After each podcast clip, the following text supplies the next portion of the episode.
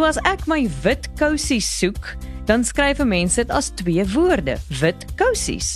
Maar as jy wit voetjie soek, dan skryf ons dit as een woord.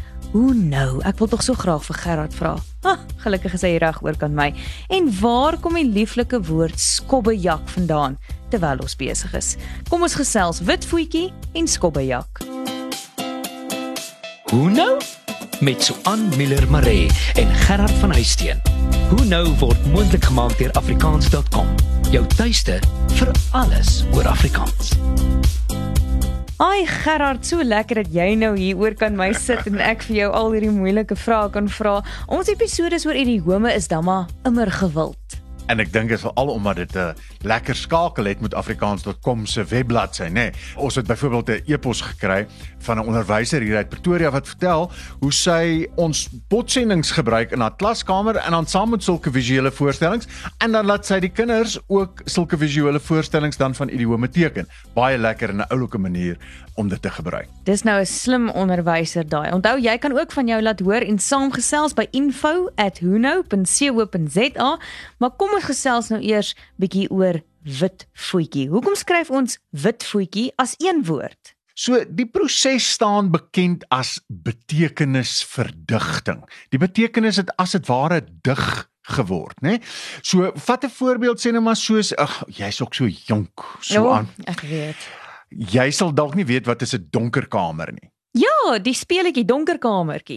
Ja, goed, maar wat is se dinge se donker kamer in die vir ry? fotos vir ontwikkel. fotos ontwikkel nee en daai dae van my lewe se dae nê nee, het ons nog fotos Toe Gerard nog jonk was ja. het ons fotos ontwikkel in 'n donker kamer nê nee.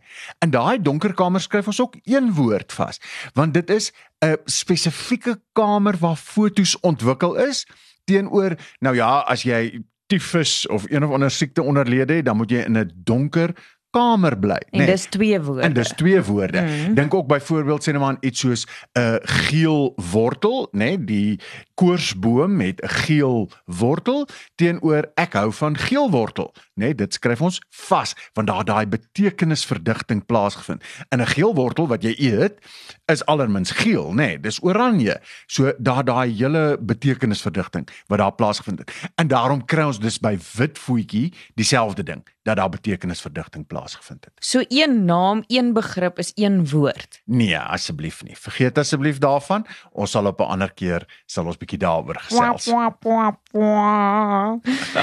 okay, maar wat beteken wit voetjie om iemand se guns te probeer wen? Inderdaad, inderdaad. Dis gewoon lekker platvoers om gat te kruip, nê. Nee. Ah.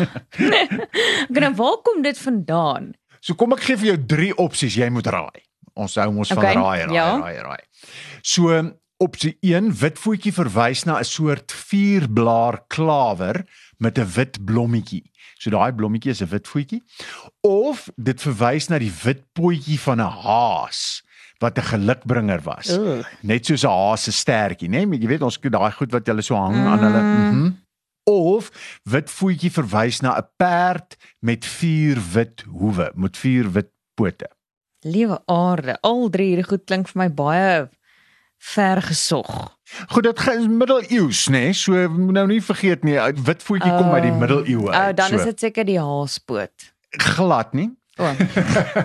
Obviously, so anders nooit reg met hierdie goed nie.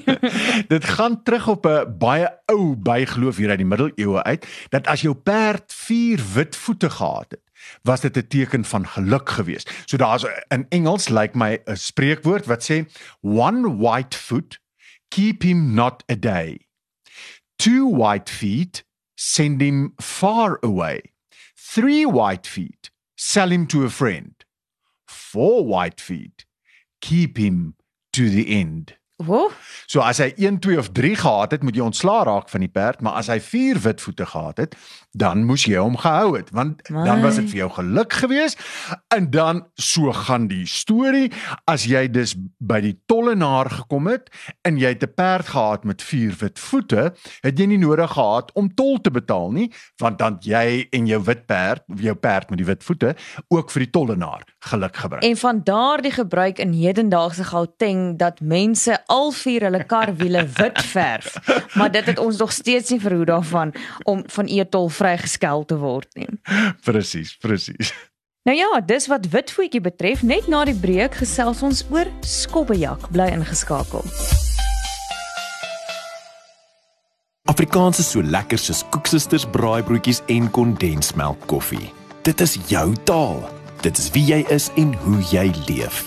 Daarom nooi ons jou. Kom skryf saam aan die toekoms van Afrikaans. Vir gratis leerhulp, taalnuus, vermaak, speletjies en meer. Besoek www.afrikaans.com en volg ons op sosiale media. Koop dit, lees dit, praat dit, leef dit. afrikaans.com. Jou tuiste vir alles oor Afrikaans. Jy luister na Hoe nou met Gerard en Swan en Swan en Swan.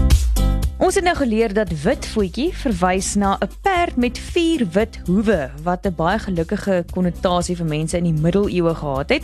Nou is dit tyd om te raai waar kom die woord skobbejak vandaan. Gerhardus. Kom ons uh, vra eers wat beteken skobbejak vir jou?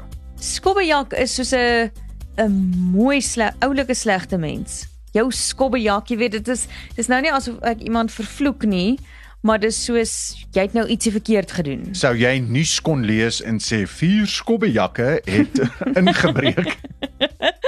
Ek ek sou seker kon, ja, maar ek sou gelag het as iemand anders doen. So 'n skobbejak het inderdaad so 'n positiewe kleurtjie begin Ja. kry, né? Dis ietsie moois wat jy iemand eintlik toesnou, maar oorspronklik het dit verwys gewoon na skurke.